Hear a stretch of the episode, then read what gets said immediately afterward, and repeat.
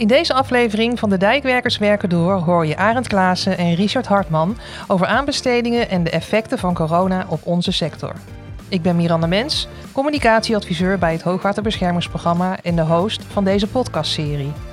Arend Klaassen schrijft in zijn werk voor het Financiële Dagblad veel over de grond-, weg- en waterbouwsector. Arend, wat zie jij gebeuren in deze sector? Ja, eigenlijk uh, twee dingen. Uh, er is natuurlijk een hoop onzekerheid, zoals dat ook voor de rest van de economie geldt. Uh, maar ik zie ook een heel positief signaal. En dat is dat een aantal grote overheidspartijen die hebben aangegeven dat ze aanbestedingen zoveel mogelijk willen doorzetten. En ze laten dat ook wel zien. ik denk dat het ook in ieders belang is om de bouwsector ook van werk te voorzien en in de lucht te houden, want dat hebben ze straks nog nodig. En, en er zijn ook een hoop mogelijkheden om juist nu werk te verrichten. Er is gewoon minder verkeer op de weg.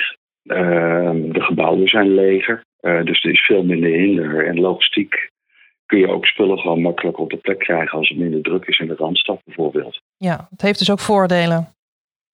Ja, zeker, zeker. Want uh, ja, um, um, kijk, we hebben natuurlijk een periode van hoogconjunctuur uh, achter de rug. Het was hartstikke druk. er was amper plek om werk uit te voeren. Um, Bouwvakkers moesten ontzettend vroeg op weg, ook om nog op tijd aan te komen op de bouwplaats. Uh, ja, uh, dat het nu wat minder gaat uh, en vooral rustiger is. Uh, zeg maar, ehm, dat, dat hoeft niet alleen maar nadelen te hebben. Het heeft juist voordelen. Als je nu werk uitvoert, gaat het gewoon gemakkelijker. Ja, ja. Hey Arend, je zegt dat het belangrijk is dat aanbestedingen juist nu doorgaan. Je zegt ook dat ze door kunnen. Denken aanbestedingsjuristen ja. daar ook zo over? Ja, ik heb de afgelopen weken een aantal uh, gesproken en gehoord. En die zeggen dat het gewoon uh, kan. Uh, je zult wel een paar oplossingen moeten vinden. Bijvoorbeeld bij marktconsultaties. Ehm, die zul je op afstand moeten doen. verder is het ehm, handig, met een webinar bijvoorbeeld. Verder is het handig om termijnen wat op te rekken. Want inschrijvers die werken veelal ook thuis. Die zitten niet in teams bij elkaar. Die overleggen wel via teams. maar goed, die hebben misschien wel meer tijd nodig om goed naar te kijken en een goede inschrijving te kunnen doen. Dus een ruimere termijn is wel handig. Een andere advocaat zei van um, je kan een aanbesteding altijd in de markt zetten, want je hebt geen verplichting uh, om een uh, contract te tekenen uiteindelijk. Dus als je onzeker bent en je wilt, maar er is wel een belang om het werk uit te gaan voeren, start dan toch gewoon de procedure op. Als het dan uh, onder, onderweg toch slechter gaat, um, is er altijd nog de mogelijkheid om te besluiten het werk niet uit te voeren. Ja. Of je kan afspreken om de offertes langer uh, geldig te laten zijn, zodat je later toch nog verder kan gaan. Eén grote vrees bij ondernemers en bouwbedrijven is wel dat kleine en middelgrote aanbestedende overheden, dat die, die, dat die nu op de rem gaan stappen uit onzekerheid. En um, dat, ja, dat, dat is niet goed voor de grondweg en waterbouw als dat zou gebeuren. Ja, ja. Wat verwacht jij van corona op de middellange termijn? Nou ja, er is, er is wel een risico. Want als, als er dus wel op uh, de rem wordt uh, gestapt. Um, en als we niet opletten, dan kan dat uh, vanaf eind dit jaar echt pijn gaan doen. er zitten nu nog opdrachten in de ordeportefeuilles van de bouwers. En er wordt gewoon doorgewerkt. Maar als het ordeboek opdroogt, dan zijn er onmiddellijk problemen. De bouw is cyclisch. Uh, dat kun je daar ook in zien. En dat heeft dus een voordeel en een nadeel. Het voordeel is, uh, nu is er werk. Andere sectoren uh, als, als de horeca, ja, dat valt er nu direct helemaal, stil. Um, dat heeft de bouw dus niet. Dus die, die, kunnen gewoon nog aan de slag. Het nadeel is wel het probleem dat, dat er straks is, dat, dat kun je nu nog niet zien. En op het moment dat het wel zichtbaar wordt, dan ben je eigenlijk ook uh, te laat om er iets aan te doen. Want dan kun je niet uh, direct nieuw werk creëren. Je zit in doorlooptijden met aanbestedingen. Daarom is het zo belangrijk om nu al actie te ondernemen. Mm -hmm. Zie je dat ook bij, bij opdrachtgevers gebeuren nu, dat ze actie ondernemen?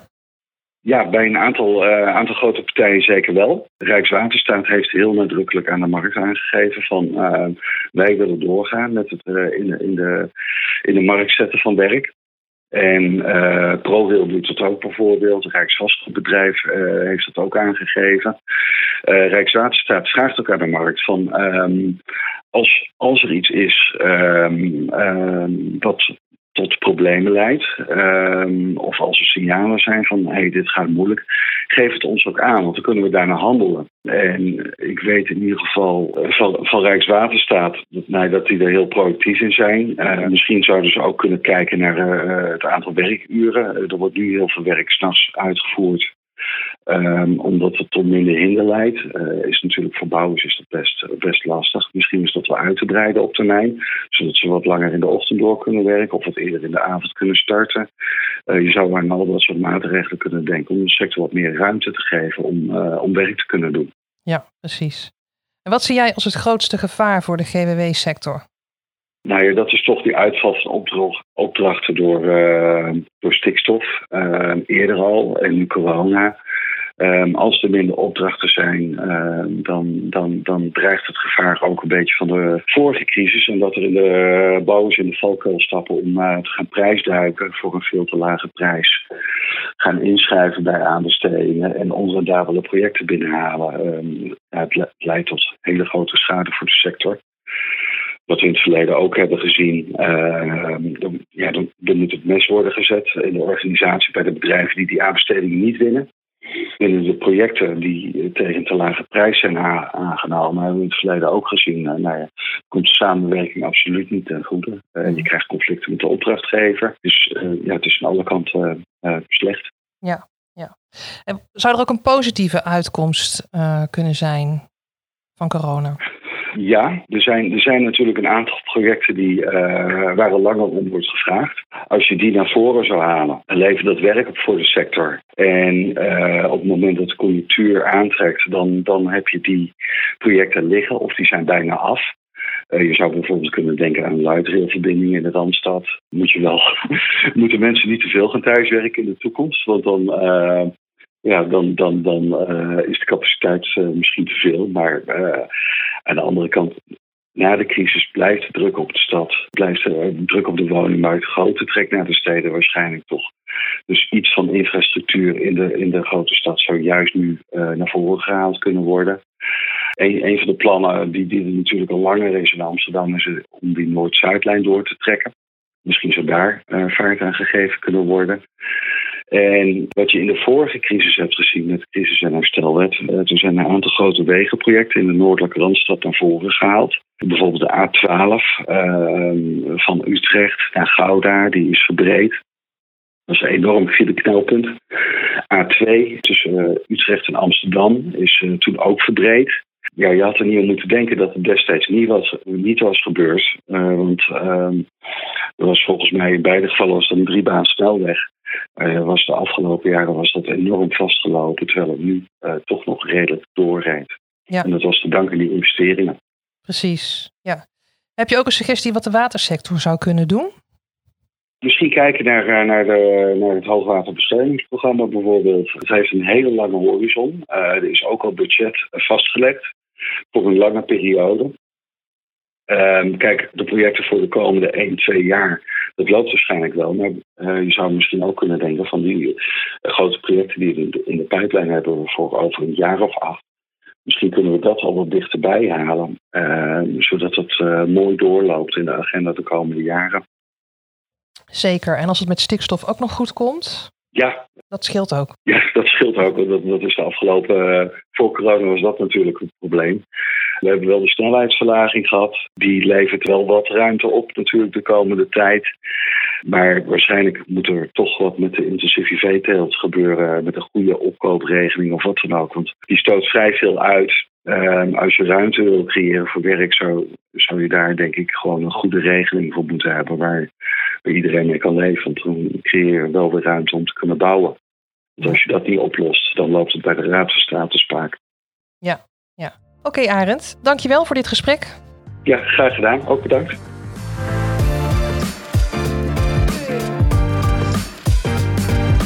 Richard Hartman werkt bij Rijkswaterstaat als contractmanager aan de verbreding van de A27 Houten Hooipolder. Hij had een marktconsultatie gepland op 25 maart. Door corona werd dit een online bijeenkomst. Richard, hoeveel partijen namen deel aan die online marktconsultatie? Nou, in totaal waren het ongeveer uh, 30 bedrijven. Uh, bestaande uit zo'n uh, 80 personen, omdat meerdere bedrijven toch verschillende mensen deelnamen. En daarnaast waren we ook mensen van Rijkswaterstaat of de waterschap geïnteresseerd. Dus die luisterden ook mee. Dat is een grote groep. Ja, dat is zeker een grote groep. en daarom hadden we ook een, een systeem nodig wat die grote groep aankon. Ja, ja. En Richard, ik ken jou toch wel een beetje als een digibate. Hoe heb je dat opgelost? Uh, ja, uh, leuk dat je het zegt. Dat uh, klopt ook wel. eerst waren we van plan om de marktconsultatie wel door te laten gaan, alleen schriftelijk. En toen kregen we van een van onze adviseurs te horen, PricewaterhouseCoopers, dat is een internationaal werkend bedrijf, dat zij vaak gebruik maken van webinars, zodat zeg maar, partijen in Londen en in, in, in New York en ook in Nederland goed met elkaar kunnen communiceren. Zonder dat uh, je het idee hebt dat je ver van, van elkaar afstaat.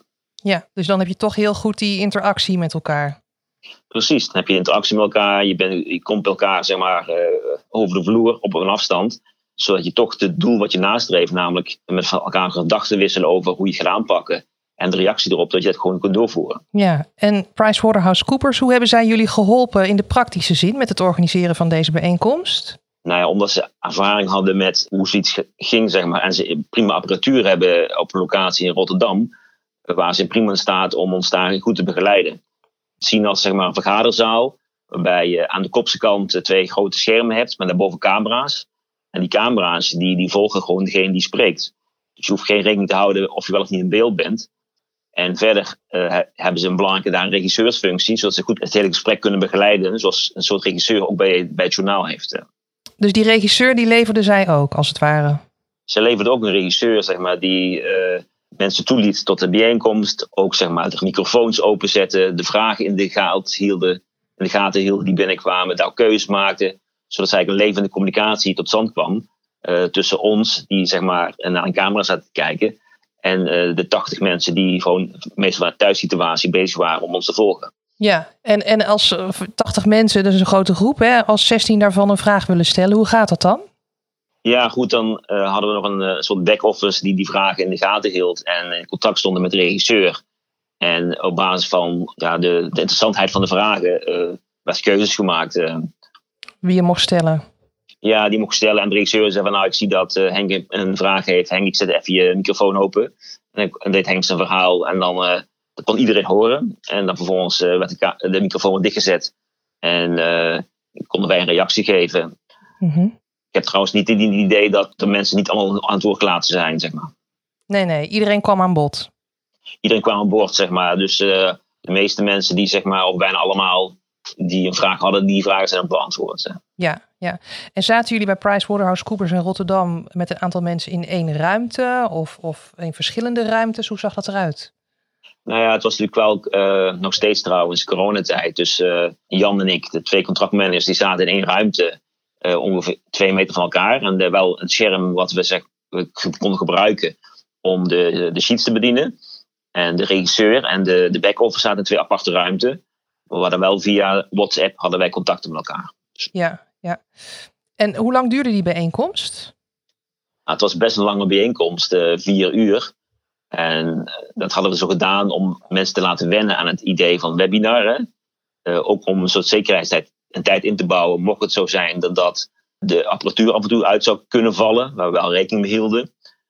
En daarnaast hadden we uh, zaken ingedeeld in verschillende onderdelen, met pauzes erbij en ook ja, vraagstelrondes erbij. En er was ook de mogelijkheid om uh, polls te houden, zodat partijen kunnen aangeven uh, wat ze vonden wat gezegd werd. Mm Dus je had een vaste indeling in je presentatie?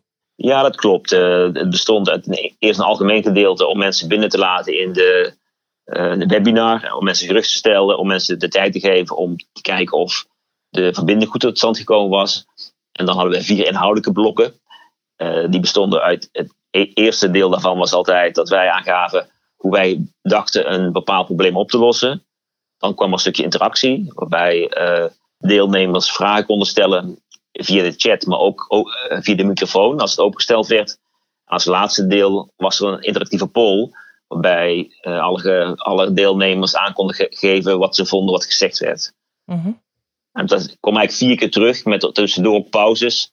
De mensen af en toe ook de benen konden strekken of even wat kunnen eten of drinken zo hebben we in feite de boel in, gang gezet. Ja, en die polls die gaven jullie dus ook ja, duidelijk inzicht of men het ook begreep allemaal en of men nog vragen had. Precies, precies. Dat gaat eigenlijk een beeld van nou, één, één is helder wat we beogen. En twee is helder uh, wat, wat, wat wij ervan vonden. Mm -hmm. En hebben jullie van de chat en zo nog uh, transcripten gemaakt? Uh, ja, uiteraard. We hebben de chat ja, geprint en bekeken. Er zaten ook opmerkingen bij van je bent goed te horen en het gaat goed. Dus goede aanmoedigingen. Maar ook de inhoudelijke zaken, die, die, nemen wij mee in de terugkoppeling van de resultaten van de, de, de marktconsultatie. Ja, ja. Hoe was die ervaring voor jou uh, van zo'n online bijeenkomst? Nou, ik vond het heel spannend, uh, maar ook heel leuk. Ik had het gevoel af en toe dat ik uh, voor het journaal werkte. En dat je in een ruimte zit waar je verder niemand ziet, behouden je je partner die je mee presenteert. Hmm. En ja, voor hetzelfde geld zaten aan de, aan de overkant miljoenen mensen of, of tientallen mensen ik vond het heel leuk, heel spannend en uh, eigenlijk een mooie bijvangst om een keer mee te mogen maken. Ja, ja. En de deelnemers, hebben die het op prijs gesteld? Ja, die hebben het zeer op prijs gesteld. Met name dat Rijkswaterstaat doorzet dat je eigenlijk zeg maar een fysieke bijeenkomst wil houden. Dat er iets, iets ja, heel vervelends gebeurt om het licht uit te drukken. En dat we toch de wegen zoeken om marktpartijen te benaderen omdat met die marktpartijen graag zitten te wachten op werk in deze moeilijke tijden. Dus het, feit dat wij daar ons stinkende best hebben gedaan, wordt zeer op prijs. Mm Dus ook jullie als aanbestedende dienst kwamen goed genoeg uit de verf? Ja, precies, precies. Dat laat onverlet dat je op inhoudelijke gronden af en toe anders over zaken denkt. Maar het feit dat je doorzet en dat je uh, ja, zorgt dat je niet de boek uh, afzegt, dat werd zeer op prijs gesteld. Ja. Waar zit je nou in je aanbestedingsproces voor de A27? Ehm, de A27 wordt aanbesteed met twee contracten, een noordelijk en een zuidelijk gedeelte. En het zuidelijk gedeelte wordt in september dit jaar op de markt gebracht. Uh mhm. -huh. En de markt zit daar rijkhalsend uh, op te wachten natuurlijk.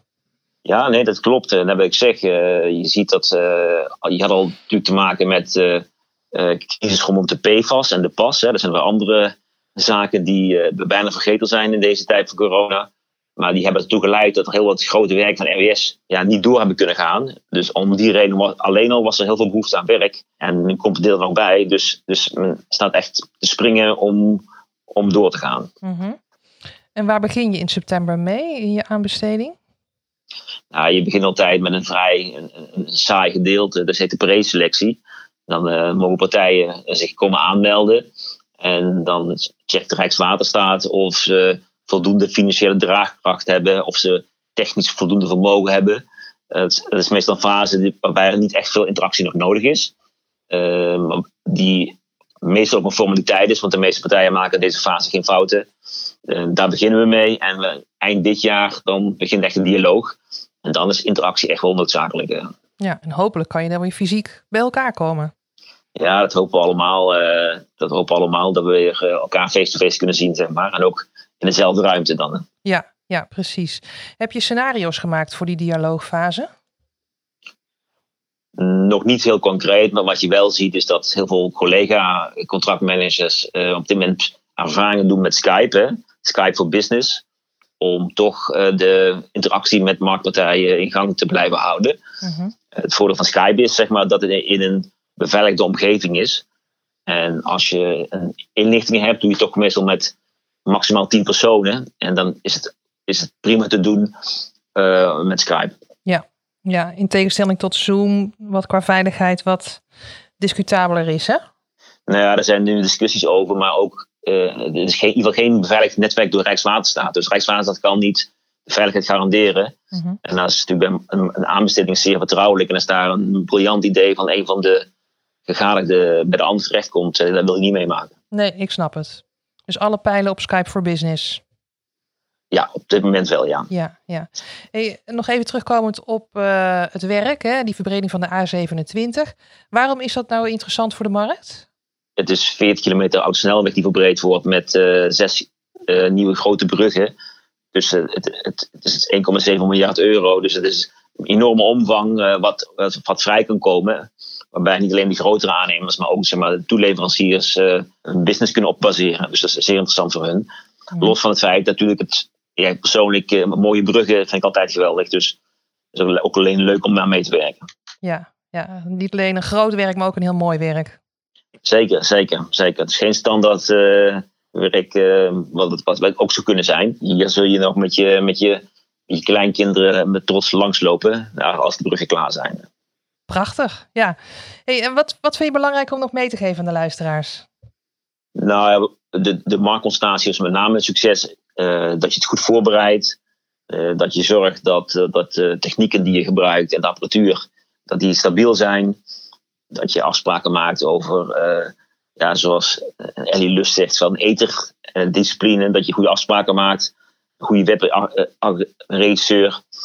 En, en daarnaast heb je natuurlijk zaken die samenhangen met normaal goed communiceren. Is gewoon goed luisteren, goed doorvragen, mensen serieus nemen, eerlijk zijn. Uh, ja, als je dat doet en mensen hebben het gevoel dat ze goed behandeld worden en ook met een reëel verhaal, dan, uh, dan komt alles goed. Oké. Okay. Richard, dankjewel voor dit gesprek en succes met je aanbesteding. Ja, top, dankjewel. En ik vond het erg leuk om hier aan uh, mee te werken. Dankjewel. Een goede online meeting kan niet zonder eterdiscipline, aldus Richard. Arend Klaassen ziet ook kansen in corona. Opdrachtgevers kunnen hun projecten eerder op de markt zetten om de bouw te helpen. Wil je reageren of heb je tips? Praat dan mee via hashtag Dijkwerkerspodcast of stuur je reactie naar podcast.hoogwaterbescherming.nl.